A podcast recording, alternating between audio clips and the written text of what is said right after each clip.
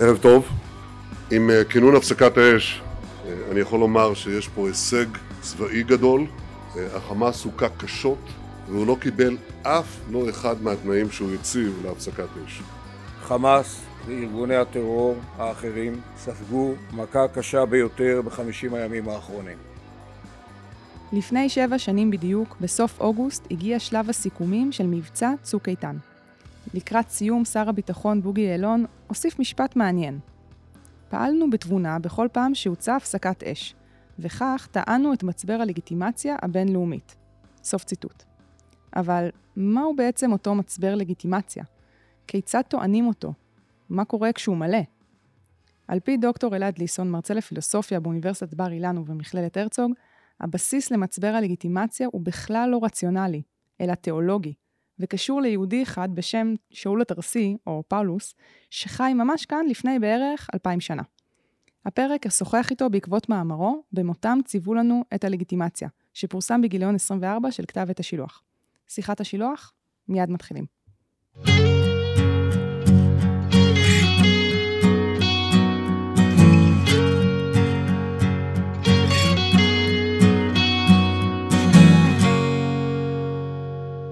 זה היה אחרי שאנחנו עברנו לתקוע, רכב אה, שבו נסעה מישהי עם שלושת ילדיה, אה, נזרק אליו בקבוק תבערה.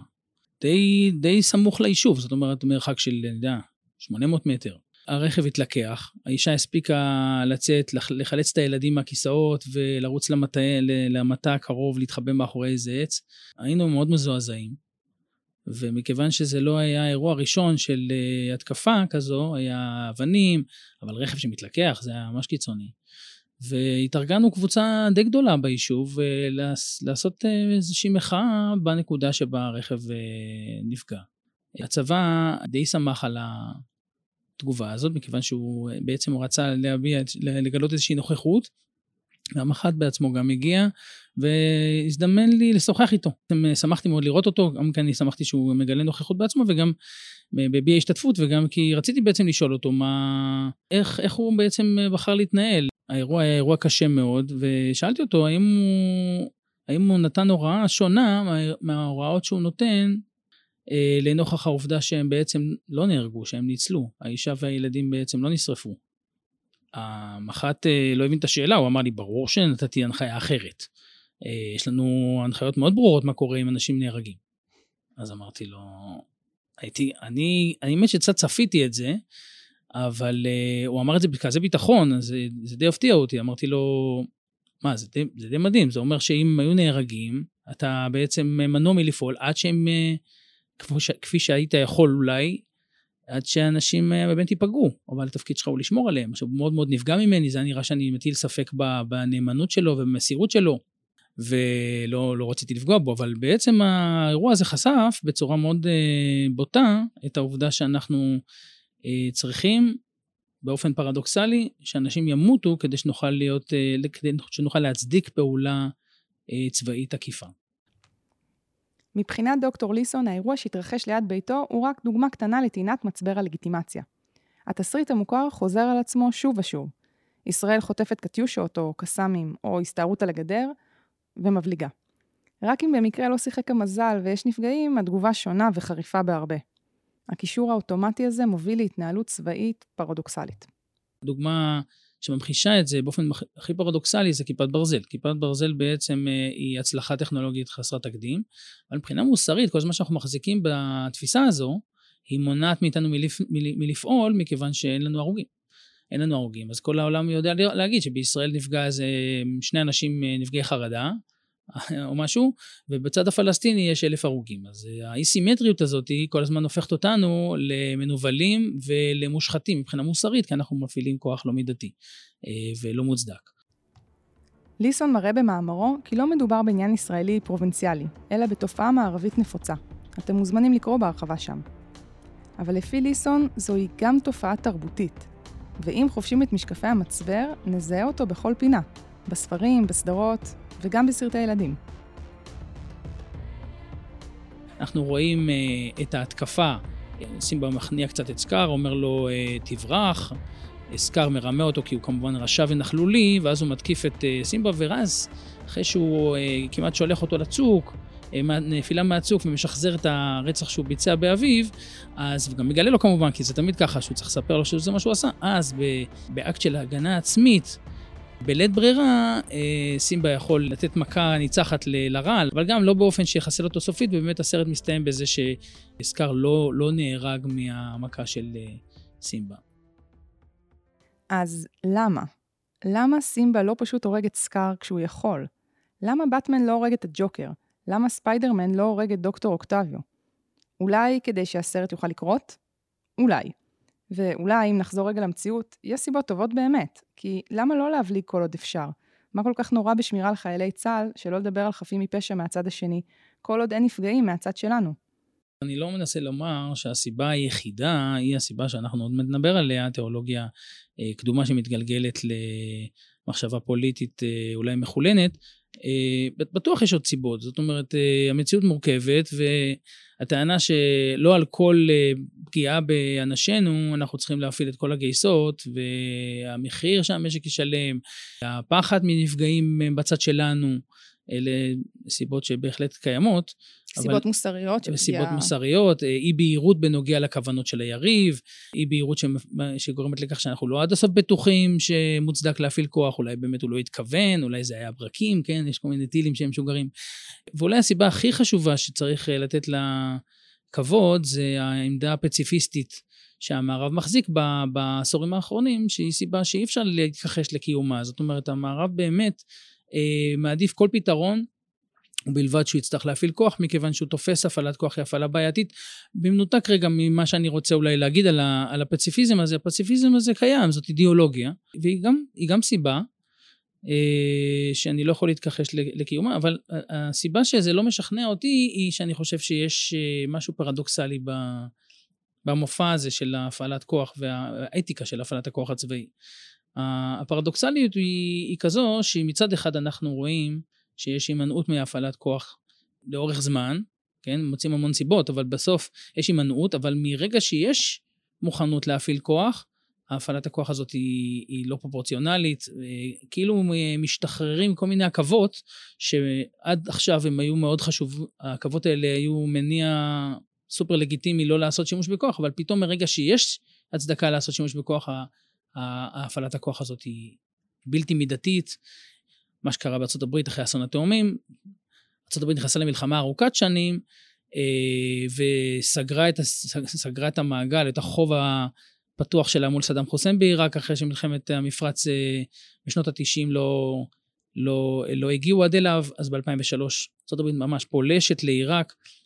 אה, בתודעה האמריקאית, ההרוגים הרבים, וזה אסון בקנה מידה של פרל ארבור, הביאה לכך שארה"ב יכולה עכשיו לעשות שימוש בכוח שהיא לא הייתה אה, מוכנה לעשות. גם בישראל, אה, מבצע אה, חומת מגן המפורסם, שגרם לצה"ל להיכנס לכל ערי אה, יהודה ושומרון, ערי, אה, השת... ערי הגדה, כמו שחלק מכנים.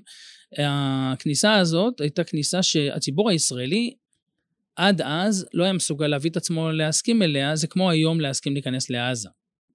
בכל זאת יש לי הרגשה שאנחנו צריכים להיות מסוגלים לזהות אה, את הדינמיקה הזאת של הימנעות קיצונית ואז הפעלה קיצונית של הכוח, כמו שחלק מהגורמים אה, בחיל התותחנים אמרו על אחרי מלחמת לבנון השנייה, הייתה הפעלת כוח אה, בלתי פרופורציונלית, במובן זה שירינו פשוט בלי סיבה, אפילו בלי סיבה מבצעית ובלבד אה, שניתן אש, כי התחושה הייתה שיש לנו לגיטימציה לעשות את זה, למרות שאין לנו מטרות, אנחנו פשוט יורים. בסופו של דבר, טוען ליסון, מעבר למישור דיוני אחר, לכל הפחות ישלים את התמונה. אז בואו נצלול איתו אלפיים שנה אחורה בזמן אל ראשית התיאולוגיה הנוצרית של פאולוס. הדמיון של מה שתיארנו עד עכשיו, התיאולוגיה הנוצרית, הוא כל כך חזק, שזה גורם לי לחשוב שיכול להיות שמה שמנהל אותנו פה הוא לא איזושהי חשיבה רציונלית לסוגיה עם כל הנימוקים השונים, אלא בעצם איזשהו גלגול של תיאולוגיה קדומה. הרעיון של התיאולוגיה הנוצרית, אני אומר פאולוס, כי פאולוס הוא בעצם זה שייסד את הנצרות כפי שאנחנו מכירים אותה, עוד לפני הפיצולים השונים לאורתודוקסיה או לפרוטסטנטיות, ממש הנצרות המקורית במאה הראשונה, אה, אה, נוסחה באגרות של פאולוס, בברית החדשה. פאולוס בעצם מתמודד עם השאלה מה עושים אחרי שהמשיח מת. אה, זה שוק עבור הקהילה של המאמינים. פאולוס בעצם מצליח אה, לנסח תיאולוגיה רבת עוצמה, שמתרגמת את, הצליבה, את, את המוות של המשיח, מתמירה אותו לשיא יותר גדול אפילו ממה שאפשר היה להגיע בחייו. ישו בחייו כל הזמן היה הקצין את העמדות היהודיות, הפרושיות הרגילות, כשהוא בעצם טען שהחשיבה המעשית היהודית היא חשיבה פשרנית, פרגמטית, בעייתית, כי הלב, האלוהים רוצה את הלב.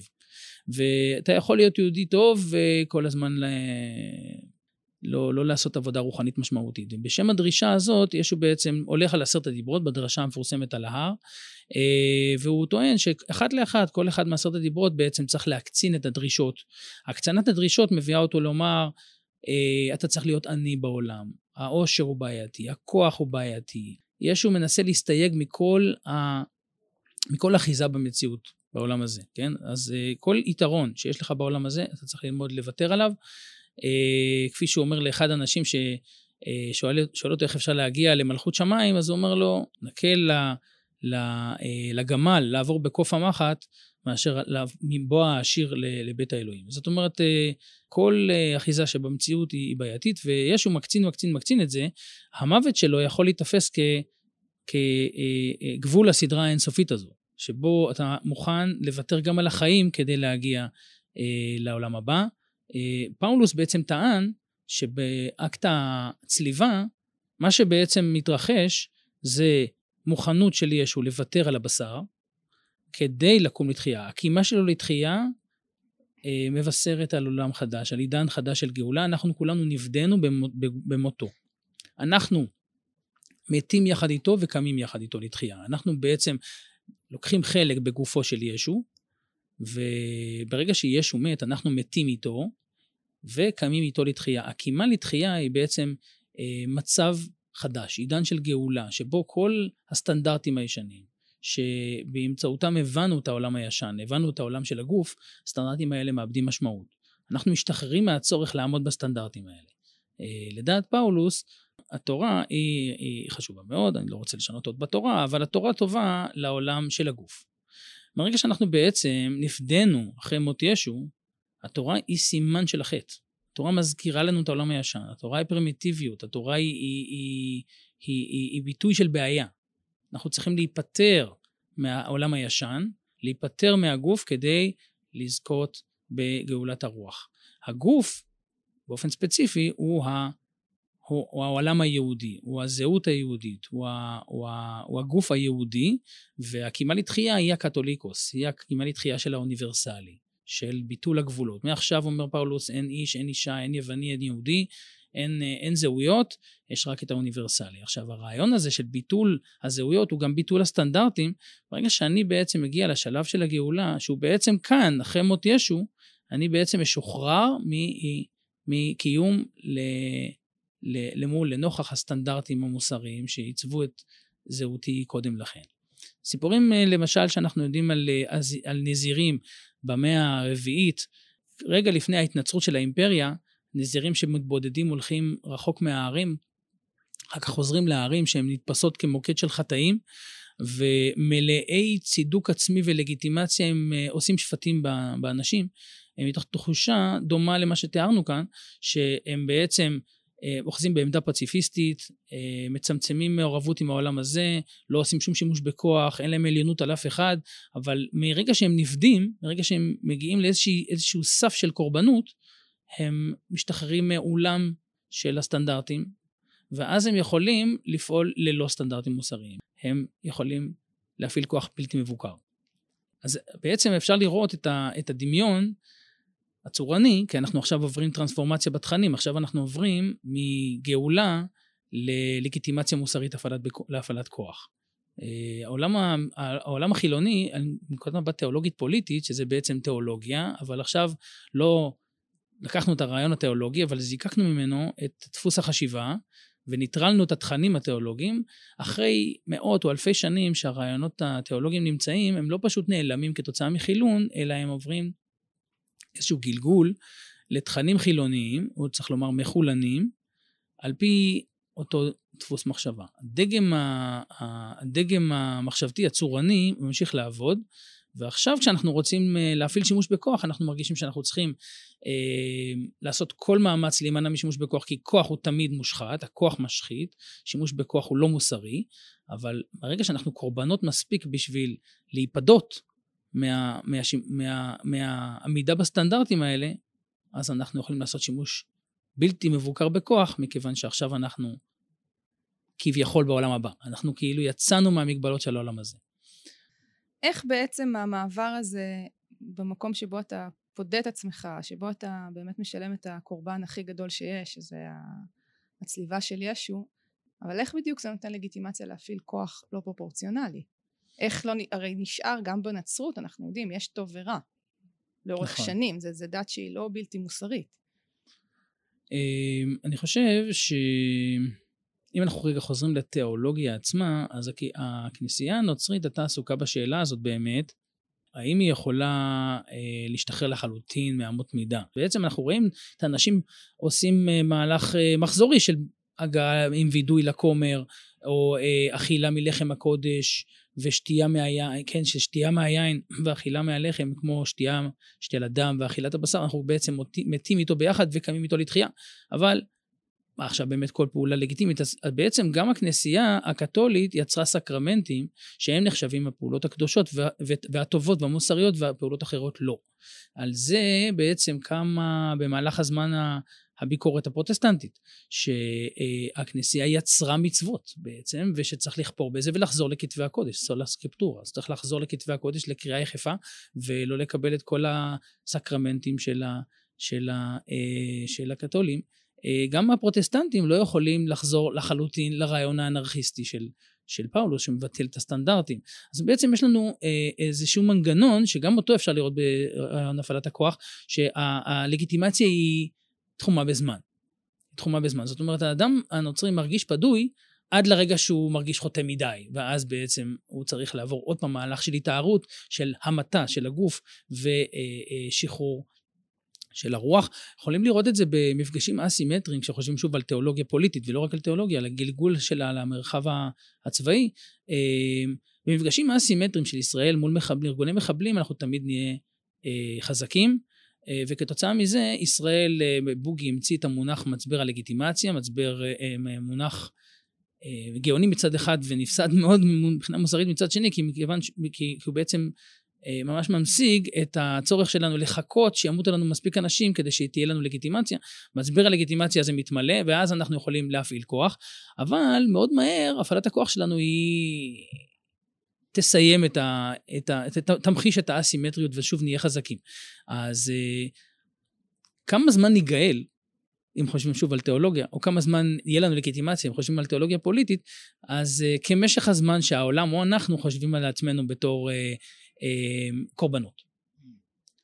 וזה, וזה יוביל אותי למשל לחשוב על זה שאנחנו צריכים, אם אנחנו משתכנעים שזה מה שמנהל אותנו, אנחנו יכולים אולי לראות אה, עד כמה אנחנו עושים מאמץ מבחינה תרבותית למסכן את עצמנו בסכסוך מול הפלסטינים. סכסוך שאנחנו תמיד נהיה חזקים בו ולכן אף פעם לא נהיה צודקים. ושוב אני מזכיר כיפת ברזל עוד מעצימה את זה כי אנחנו לא, אף פעם לא נהרגים לנו כמויות אנשים כמו שנהרגים אצלם. במונחים המוסריים הנפסדים האלה אנחנו תמיד צריכים להפסיד כדי לנצח. אני, אני קורא לזה כשחושבים על זה למשל על המרמרה ניסינו לעשות את זה. זאת אומרת, המרמרה, ההשתלטות על אונייה שידענו שיש שם טרוריסטים, שלחו את חיילי השייטת עם רובי צבע. אה, כולנו ראינו, אה, כולנו, וזה צולם ושודר והופץ למיליארדים, את חיילי השייטת מוכים. אז אנחנו בעצם הרגשנו כולנו מושפלים מבחינה לאומית, אבל מוצדקים מבחינה מוסרית. אז אפשר לקרוא לזה שניצחוננו מותנה במותנו המצולם. אנחנו צריכים למות בגוף כדי לנצח ברוח, וזה בעצם מחיר אדיר אה, לשלם, אני חושב שאנחנו לא יכולים להרשות לעצמנו. לחכות למכה הראשונה, כמו מלחמת יום כיפור, אנחנו צריכים תמיד להיות במצב של מלחמת ששת הימים, לספוג את האמברגו. אנחנו צריכים להציע מודל אה, חלופי, מוסרי, כי אנחנו פשוט נצטרך כל הזמן אה, לשלם במחיר של אנשים, או במחיר של פגיעה אנושה, כדי להצדיק את הפגיעה חזרה. המצלמות שחולקו ללוחמי השייטת במבצע מרמרה מסמלות גם את חשיבות הדימוי בעולם של תקשורת המונים מהירה. זוהי תופעה משמעותית בפני עצמה. כשמצרפים לכך תיאולוגיה מחולנת, לא מודעת ברובה, התוצאה לעתים אבסורדית. כשאנחנו בוחנים סיטואציה מבחינה מוסרית, ואנחנו צופים בה בטלוויזיה, אז אנחנו לא מכירים את ההיסטוריה של הסכסוך, אנחנו לא יודעים מי אשם, אנחנו לא יודעים מה קרה קודם, אנחנו לא יודעים מי חזק ומי חלש, באמת, מה אנחנו יודעים? אנחנו יודעים רק מתוך הפריים המצולם, אה, נתונים מהפריים, זה מה שאנחנו מנסים לדלות כאן, כן? וזה גורם לנו, מבלי משים, להפעיל חמלה כלפי החלש. אני לא חושב אפילו שצריך להאשים את הצלם או לחשוב ש... כלפי שזה... החלש במסגרת הפריים. בדיוק, זאת אומרת, הסיטואציה המצולמת שאנחנו רואים אישה במחסום, אה, נערה שמאות שוטרים בהמון, אני רואה, הצילומים האייקונים האלה שרואים אה, אדם בכיכר טיינמן מול אה, כמה טנקים בסין, אה, אלה צילומים האיקונים שבהם אנחנו חושבים על, אה, אה, אה, אה, חושבים על מוסר אה, מצולם, אז אנחנו תמיד ניטה לטובת החלש.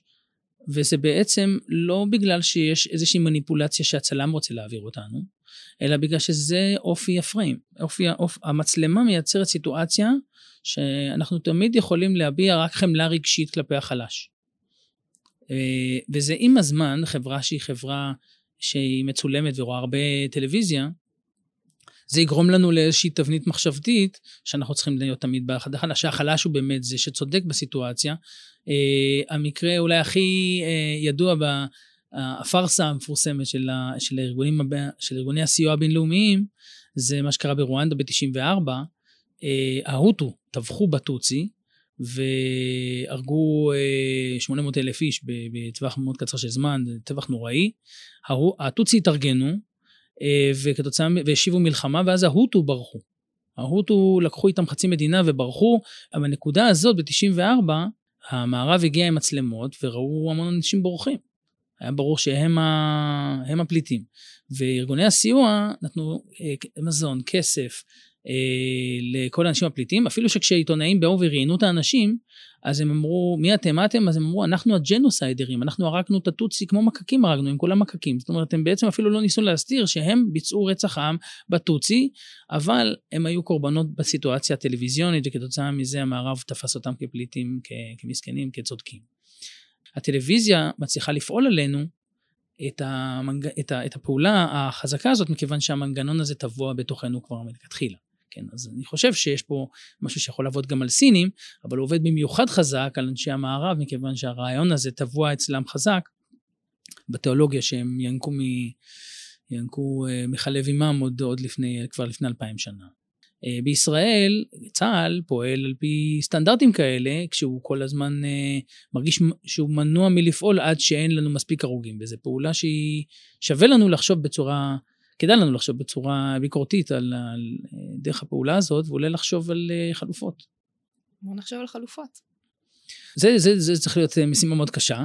האם נגיד ליהדות יש איזשהו משהו אחר לומר על הפעלת כוח או על מוסר, או באופן כללי על ישועה וגאולה, אם חושבים על תיאולוגיה. אני חייב לומר שאני בעיצומו של המחקר הזה. אה, לכן אני לא הייתי רוצה להניח פה, אה, להגיד פה דברים לא מבוססים.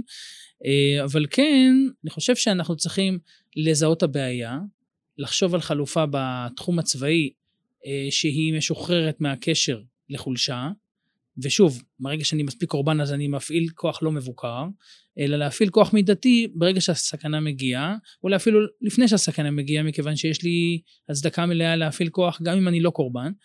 אה, זה צד אחד של המשוואה, אבל מכיוון שאני חושב שתיאולוגיה נמצאת כאן, כן, מוטלת עלינו משימה... אתה חושב שתיאולוגיה נמצאת כאן כי בעצם חייב להיות עוד שכבה מעבר לשכבת ההיגיון כן. והתבונה? אני חושב שרציונליות היא לא הקומה התחתונה. יש נימוקים טובים למה שאנחנו באמת היינו רוצים לעשות, שאנחנו, יש לנו איזושהי תנועה נפשית, נטייה נפשית למחוזות מסוימים ולא למחוזות אחרים. הרציונליות מספקת לנו את הנימוקים, את, הנימוקים, את ההצדקות, את, ה, את, ה, את הממד הגלוי של ההנמקה, אבל באמת יש מימד יותר עמוק, ולכן אני חושב שתיאולוגיה, או גלגולים של תיאולוגיה, הם, הם הקומה התחתונה. וגם כשהיא לא פאולינית, גם כשהיא פחות מובחנת, היא דומיננטית. אני למשל חושב שאת הדינמיקה סביב בית המשפט העליון צריך להבין מנקודת מבט תיאולוגית. זאת אומרת, אה, בית המשפט העליון נתפס כמוקד של קדושה עבור האנשים שמוקירים את, את, את פועלו, ולכן הם מגייסים את כל כובד משקלם. זה לא דיון רציונלי, אני יודע מה, בהפרטה, אלא זה באמת דיון אה, על חילול הקודש ועל אה, פעילות של כהנים שמשמשים בקודש. ורק אם ניתן מקום לתיאולוגיה בחיינו, גם תיאולוגיה או דת אזרחית, או בכלל למקודש, אז אנחנו נוכל להבין את עצמנו יותר טוב ואת האנרגיות המוגזמות שאנחנו שמים בשיח. האם אפשר רק לחשוף תיאולוגיה, או האם אפשר גם להנביע תיאולוגיה חדשה, או להציג כן. חלופה תיאולוגית? וואו, שאלה ממש מדהימה, כי ב, ב, ב, בקרב, אני חושב, אולי 90 אחוז מקרב מי שמתעסק בתיאולוגיה פוליטית בישראל ובמערב, המטרה של תיאולוגיה פוליטית זה חשיפה של מנגנונים תיאולוגיים כדי להיפטר מהם. השחקנים, החוקרים שעוסקים בתיאולוגיה פוליטית, אה, רואים תיאולוגיה כשריד אה, של חשיבה פרימיטיבית, מבינים שתיאולוגיה מתגלגלת גם בעידן מחולן, ועושים שירות לרציונליות בחשיפת המאובנים האלה כדי שנהיה אה, מסוגלים לקיים חיים תבוניים סבירים. אני חושב שבעידן פוסט-מודרני אנחנו כבר מבינים שתבונה היא מאוד מוגבלת, והיא לא באמת הסיבה שבגללה אנשים עושים את מה שהם עושים. ואני מאלה שחושבים שתיאולוגיה היא עניין רציני, אה, ואני מבקש לחשוף את הנוכחות שלה לא בשביל להיפטר ממנה, אלא בשביל אה, להבין איך היא ממשיכה לפעול על חיינו, גם כשהיא מתגלגלת לתכנים מחולנים. ולשאלתך השנייה, האם אפשר להנביע תיאולוגיה? זאת שאלה ממש קשה. אני מאלה שחושבים שתיאולוגיה לא באמת נעלמת, גם אם היא לא פעילה, ולכן תיאולוגיה יהודית, גם אם אה, פוליטיקה יהודית לא הייתה קיימת אלפיים שנה, או לא קיימת בפורמט מדינתי, אה, דפוסי חשיבה תיאולוגיים קיימים בתוך השיח היהודי, וזיהוי שלהם, והתחלה של חשיבה, איך הם מביאים, איך הם, איך הם מתרגמים למדיניות ציבורית, אני חושב שזו המשימה שלנו היום, מכיוון שאנחנו יכולים לקבל שתיאולוגיה קיימת, אה, זה לא בטוח שזה להנביע אותה, אלא פשוט לחשוף את, ה, את, ה, את המופעים שלה. זה לא... להשקות ל... קצת את כן, הזרעים שטמונים עדיין. נכון.